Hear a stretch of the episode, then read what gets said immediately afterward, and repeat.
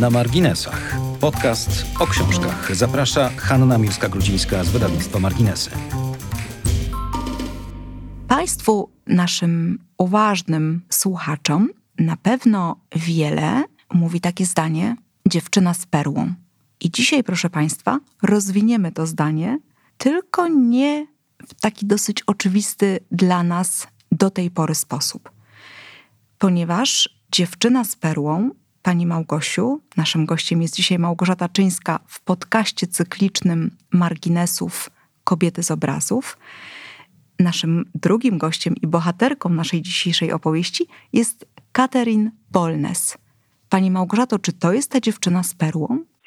No, być może to jest właśnie ta dziewczyna z perłą. My oczywiście już y, zwykliśmy myśleć o tym, że tytułową dziewczyną z perłą jest y, służąca z domu malarza Jana Vermeera, bo tak nas nauczył wspaniały zresztą film I pod, książka. pod tym samym tytułem. I książka, tak, dziewczyna z perłą i, i tam oczywiście właśnie tą modelką do tego najsłynniejszego obrazu Bermera jest y, młodziutka służąca. No, tak pewnie nie było, bo byłoby to bardzo, bardzo nieobyczajne, aby w takim kontynent patrycjuszowskim domu y, właśnie służąca pozowała gospodarzowi, malarzowi.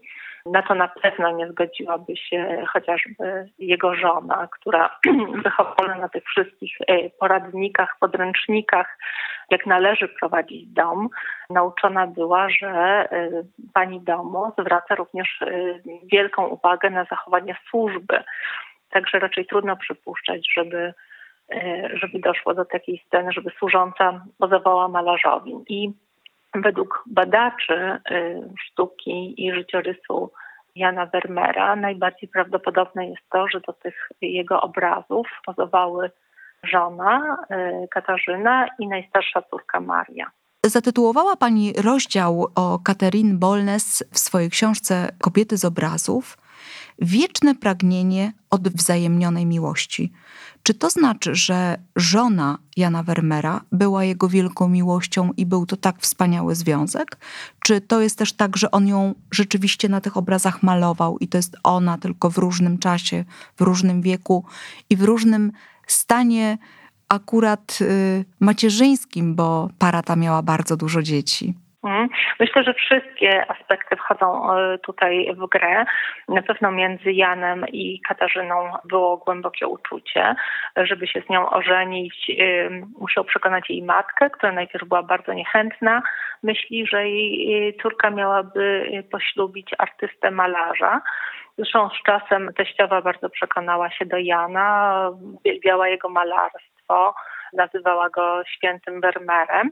Także tutaj ta jedna przeszkoda została pokonana. Druga była taka, że żeby poślubić katoliczkę, a Katarzyna była e, katoliczką, Vermeer musiał zmienić wiarę, ponieważ wcześniej był ochrzczony w kościele kalwińskim. Także e, wygląda na to, że rzeczywiście była między nimi miłość i byli bardzo zdeterminowani, żeby się żeby się pobrać. Mieli rzeczywiście dużo dzieci. Jedne źródła podają, że było ich 13, drugie, że wręcz e, to była gromadka 15 dzieci. I to też nie było spotykane w takich zamożnych mieszczańskich domach. W większości patrycjuszowskich rodzin było podwoje, troje dzieci. Także tutaj ta ilość y, potomstwa świadczy o tym, że Katarzyna przez większość y, dorosłego życia była albo w ciąży, albo w połogu. I zresztą mm, tą jej ciążę widać również na obrazach y, Vermeera, ponieważ na kilku z nich portretowana kobieta jest ewidentnie w ciąży. Zresztą mamy na to też takie potwierdzenie, jakie to było fascynujące dla malarzy późniejszych epok, kiedy Van Gogh zafascynował się obrazami Vermeera, to właśnie w liście do, do przyjaciela pisał właśnie o takim portrecie kobiety w niebieskim kaftanie i już też w tym liście właśnie cewa swoje spostrzeżenie, że, że portretowana jest y, w ciąży. Także to również wskazuje na to, że Vermeer y, uważnie przyglądał się swojej żonie. On mhm. zaraz po ślubie zmienił tematykę swoich obrazów i zaczął y, malować te motywy, z których go szczególnie znamy, za które jest szczególnie ceniony, czyli właśnie kobiety w domowym wnętrzu, w domowym zaciszu. I te obrazy przywołuje pani w swojej opowieści o tej parze. I rzeczywiście właściwie na wszystkich poza dziewczyną z perłą te kobiety są w ciąży. To jest coś, co łączy ten wybór, bo mamy tu kobietę w błękitnym kaftanie, Mamy kobietę I w, trzymającą... A potem w żółtym kaftanie tak. i w kolejnym, i w kolejnym ten powtarzający się zestaw e, strojów e, również świadczy o tym, że, że pewnie była to garderoba e, samej Katarzyny, która albo pozowała mężowi, albo stroje były zawieszane na jakimś drewnianym manekinie i, i tak Vermeer malował, bo też trudno sobie wyobrazić, żeby ona pozowała mu bez przerwy i często, ponieważ pracował bardzo powoli, z ogromnym pietyzmem i o ile większość holenderskich malarzy była w stanie namalować, czy nawet można powiedzieć wyprodukować kilkadziesiąt obrazów rocznie, to Vermeer y, malował rocznie jeden, dwa, góra trzy obrazy. Więc rzeczywiście każdy z nich zajmował mu y, bardzo wiele czasu. No i poza strojami, poza garderobą, oczywiście w wszystkich obrazach ogromną rolę gra szkatułka biżuterią Katarzyny.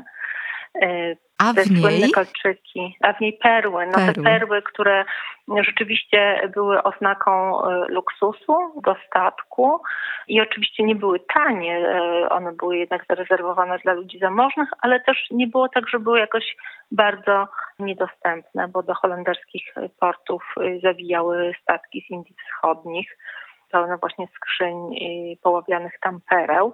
Więc y, te perły y, mają oczywiście różne znaczenie i w uszach zamężnej Katarzyny są atrybutem miłości szczęścia małżeńskiego i dobrobytu i płodności. A kiedy te same perły zakładała jej córka Maria czy inne dziewczynki, no to to dla nich był to taki atrybut y, czystości dziewiczej i zdrowia. E, także dla Jana Vermeera no, te perły miały jeszcze inne znaczenie, bo przecież e, przez całe swoje życie artystyczne tak bardzo pasjonowało go światło w jego obrazach i to, jak to światło się odbija, czy zatrzymuje w tej łezce perły, czy jaki blask przydaje policzkom portretowanej kobiety, to było dla niego właśnie to zagadnienie malarskie, więc jemu chodziło o właśnie kiedy malował perły, o, o ten malarski walor obrazu. Mhm.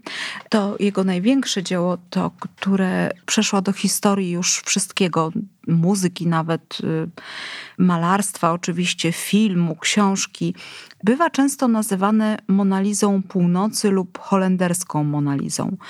Z jakiego powodu akurat ten obraz y, budzi tyle emocji, ludzie tak go pokochali? Czy to jest właśnie ta kwestia światła, która jest na obrazie, czy kwestia pereł, czy kwestia blasku, czy niedopowiedzenia, które są w uśmiechu, czy w tym, że do końca nawet nie wiemy, kto jest bohaterką tego obrazu, kto jest modelką na tym obrazie? No i znowu wszystko, co Pani wymieniła, jest y, dla tego obrazu istotne, bo i ten malarski walor, i właśnie kolorystyka, światło, ale też zwyczajnie uroda portretowanej dziewczyny, no i ta tajemnica, jak najbardziej tak, to tak jak fascynuje nas y, uśmiech y, Mony Lizy, bo każdy chce rozszyfrować, co się za nim kryje, tak tutaj dziewczyna z perłą bardzo intryguje, zaciekawia.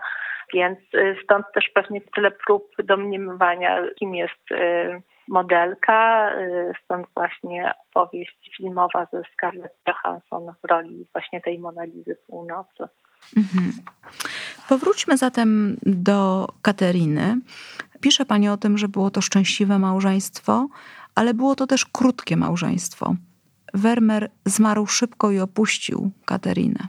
Tak, było krótkie, było intensywne, też nie było e, z pewnością pozbawione e, trosk, bo wystarczy sobie wyobrazić, e, jak trudno jest wychować taką gromadkę dzieci, utrzymać dom na odpowiednim poziomie, tym bardziej, że właśnie jak mówiłam, Vermeer nie malował wiele. I o ile jego obrazy rzeczywiście osiągały rekordowe ceny, no to jednak ciągle to było za mało, żeby wyżywić, wykształcić, ubrać taką gromadę dzieci, więc w różnych miejskich dokumentach zachowały się prośby o pożyczki, potwierdzenia e, licznych pożyczek, które Wermerowie zaciągali.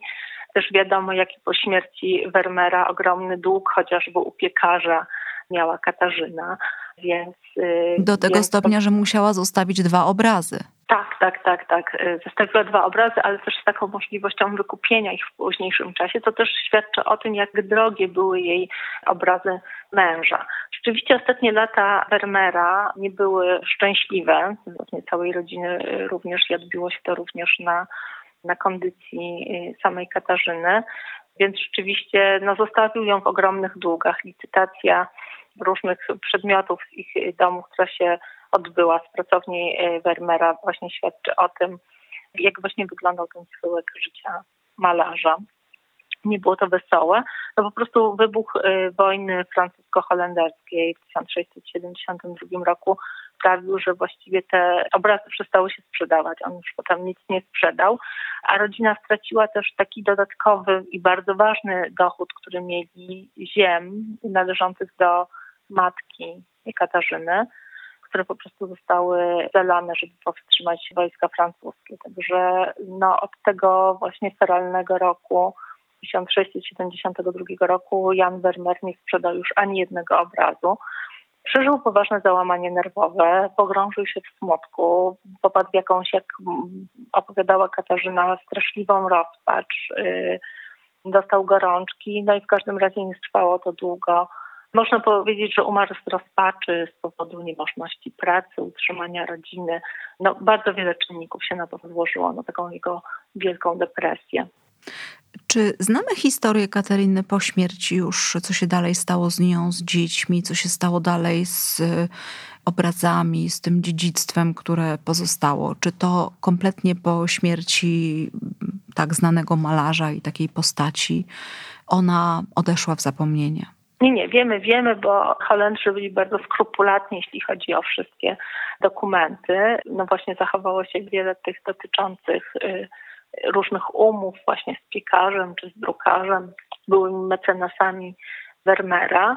Ona sama rzeczywiście starała się z tych długów wyjść, i też zachowały się różne dokumenty o częściowe umorzenie długu i tak dalej. Do wielkim wsparciem była dla niej matka, która była osobą zamożną, y, posiadała właśnie te liczne grunty i domy na wynajem, także stanowiła taką stałą rentę dla Katarzyny i jej dzieci. I też y, sugerowała, żeby wszystkie je wykształcić na dobrych rzemieślników czy kupców, ponieważ nie posiadając właśnie wielkiego majątku, nie mogą sobie pozwolić na na nic nie robienie i, i ta praca zawodowa jest tutaj konieczna. Wiadomo, że po takim uporządkowaniu różnych y, spraw, które Katarzyna miała w rodzinnych Delfach, przyniosła się do Bredy i tam zmarła. Zatem, gdybyśmy mogli jeszcze porozmawiać chwilę o jej przeszłości, to musiałybyśmy powiedzieć, że ona miała ciężki los. To był los dziewczyny, gdzie w domu rządził dosyć grubiański ojciec, gdzie była przemoc y, domowa i właściwie ten związek potem z Wermerem był jakby takim dobrym zrządzeniem losu dla niej. Tak się wydaje na pewno. Bardzo wiele wiemy o tym, jak wyglądało dzieciństwo Katarzyny i ma Pani rację, że y, no, doświadczyła chyba wszystkiego co najgorsze, bo jej dzieciństwu towarzyszyły awantury, łzy. Y, ojciec był grubianinem, był sadystą, był bardzo brutalny, znęcał się nad Marią, swoją żoną i sąsiedzi w Gołdzie, gdzie wówczas mieszkali Bolnesowie, no zapamiętali, też zachowały się takie wspomnienia właśnie jak to w tej rodzinie dochodziło do y, bardzo brutalnych, gorszących scen, jak malutka Katarzyna przybiegała do sąsiadów właśnie prosząc o, o pomoc w momentach, kiedy ojciec znęcał się nad matką. Więc, y, więc I to w taki bestialski sposób, prawda? Tak, y, no... Och, bardzo. On ją po prostu bił, kopał ciężarną, Dokładnie. szarpał za włosy, wyciągał chorą z łóżka. Na przykład y, jednym z takich elementów właśnie tego pastwienia się było na przykład to, że Maria e, jadała posiłki sama, taka odizolowana od reszty rodziny. No potem można powiedzieć, że gdzieś tam w genach e, ta brutalność i sadyzm e, przeszły dalej, bo brat Katarzyny, syn Marii, także był bardzo brutalnym mężczyzną i również znęcał się nad matką. Także w pewnym momencie Maria odeszła od męża, szukała właśnie separację i właśnie razem z Katarzyną zaczęły nowy rozdział w życiu. Szczęśliwie nawet po rozwodzie pozostała bardzo majętną kobietą, właśnie ta ziemia, domy, to wszystko pozwalało jej na bardzo godne, a wręcz wystawne życie. Mhm. Ale w, w, zdaniach, które pani też przytacza w książce, widać y, pomiędzy tymi zdaniami, że to małżeństwo było też inspirujące dla siebie nawzajem. W jedynym przypisywanym Vermeerowi liście adresowanym do przyjaciela, malarz pisał: Jesteśmy coraz bardziej samotni w tajemniczej pustce wszechświata. Czyli on nie pisze tylko o swojej samotności, ale o samotności prawdopodobnie również swojej żony i takiego związku, który jest związkiem opartym na jego pracy. Przyjaciół pewnie jak zwykle prawdziwych nie ma wielu, ale ta wierność tej żony i to jej jednak e, podporządkowanie też jego sztuce prawdopodobnie bardzo wiele znaczyło dla niego.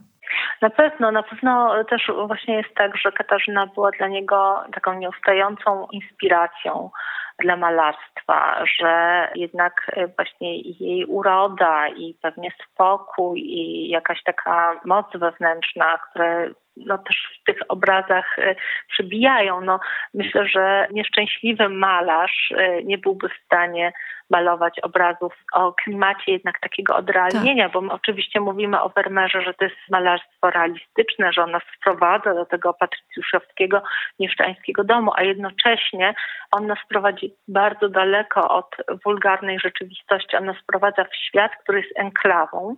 No i oczywiście y, jak najbardziej zasadne jest przypuszczenie, że taką enklawę Jan i Katarzyna Vermeerowie dla siebie nawzajem tworzyli. Także ona jest tutaj taką postacią bardzo mocną y, w jego życiu i twórczości. Mhm.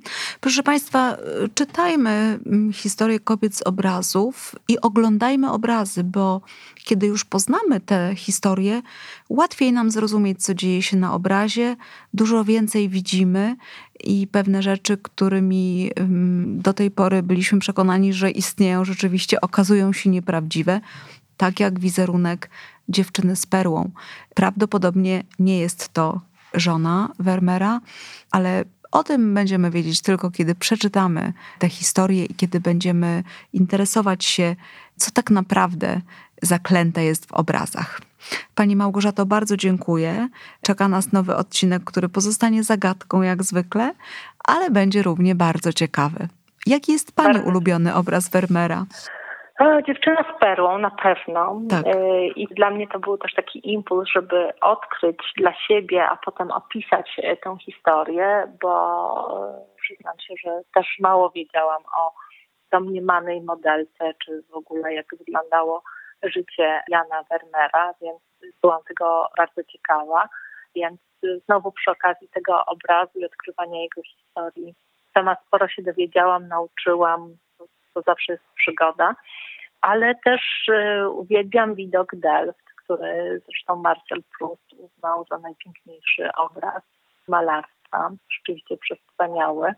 Jest w nim coś takiego, co jest też w tych portretach kobiet we wnętrzu. Tak, rzeczywiście spokój, skupienie na detalu, wielka miłość, taka wielka uważność. Więc to, no zresztą każdy z obrazów Vermeera to jest, jest historia, opowieść, y, która bardzo wciąga. Mhm. Dla mnie najpiękniejszym jest y, kobieta w błękitnym kaftanie czytająca list, ponieważ on maluje tam kobiety i rzeczywistość swojego czasu, ale w gruncie rzeczy ona się niewiele różni od dzisiejszej. I w wizerunku kobiety, może trochę w stroju, ale kiedy popatrzymy na wnętrze, na krzesła, na wystrój ściany, to myślę, że taki wystrój znaleźlibyśmy również i we współczesnym domu. Bardzo mi się tak, podoba ten taki pomost, który łączy te nasze czasy, bo przecież mówimy o o roku 1650. Tak, czyli o XVII wieku, troszeczkę tak, później. Tak, to jest rzeczywiście takie bardzo ciekawe, kiedy się e, bada i historię wnętrz, ale też właśnie historię biografii przeróżnych osób i okazuje się, że tak naprawdę tak niewiele nas różni, że emocje, uczucia, te różne takie targanse życiowe są tak naprawdę ciągle podobne. No właśnie, jak te historie z perłami chociażby. Tak jak pani pisze, perły w tamtym czasie wcale nie były takim obiektem jakiegoś luksusu i, i pewnie były obiektem pożądania, ale też bez przesady. A dzisiaj pewnie też dzięki temu, że te perły ciągle są i że też możemy je oglądać, nimi zachwycać na obrazach. One wracają u jubilerów współczesnych w ich produkcji, w ich artystycznych też wykonaniach. Gdzieś ciągle plotą się te wątki. Od pereł po wystroje wnętrz, fryzury. Miłość, zazdrość, nienawiść i to wszystko, no i przede wszystkim sztukę. Także to jest wszystko rzeczywiście bardzo bardzo inspirujące, a perły znowu nosimy, znowu są modne u, u najlepszych projektantów, obecne w najnowszych kolekcjach biżuterii, więc y, nasza dziewczyna z perłą, Vermeera jest też po prostu bardzo modną dziewczyną. Tak jest i prawdopodobnie nawet nie ma jednej perły, a kolczyk jest i w drugim uchu. No tak, ale tak, jest tak. dziewczyną z perłą. No, tak... no ale na szczęście i ten błękitny kaftan, o którym pani wspomniała, taka piękna narzutka mhm. i właśnie i te perły y, nie trafiły na listę licytowanych obiektów, więc najprawdopodobniej należały, był to bezpośredni majątek, osobisty majątek Katarzyny, więc w momencie, kiedy odbyła się licytacja sprzętów z pracowni Vermeera, no to jednak jej udało się zachować i swoją garderobę, i, i szkatułkę z biżuterią, i kolczyki z perą mm, najpewniej pozostały przy niej. Hmm. Zatem czytajmy, oglądajmy i e, tropmy tajemnice kobiet z obrazów. Naszą gościnią była dzisiaj autorka cyklu i książki Kobiety z obrazów, pani Małgorzata Czyńska. Państwo już wiecie, że jest autorką wielu, wielu książek biograficznych. Jest historyczką sztuki, popularyzatorką wielu y, historii sztuki współczesnej i minionej. Zachęcam Państwa do czytania książek pani Małgorzaty. My czekamy na nową, która wkrótce, już w trzecim, w czwartym kwartale roku będzie na rynku. A na razie żegnamy się pani Małgorzato do następnego razu. Bardzo pani dziękuję. dziękuję. Do zobaczenia. Do usłyszenia. Do usłyszenia. Dziękuję. To był podcast na marginesach. Dziękujemy za wysłuchanie. Znajdziecie nas na Spotify, Google Podcasts, Apple Podcasts i na stronie www.marginesy.pl.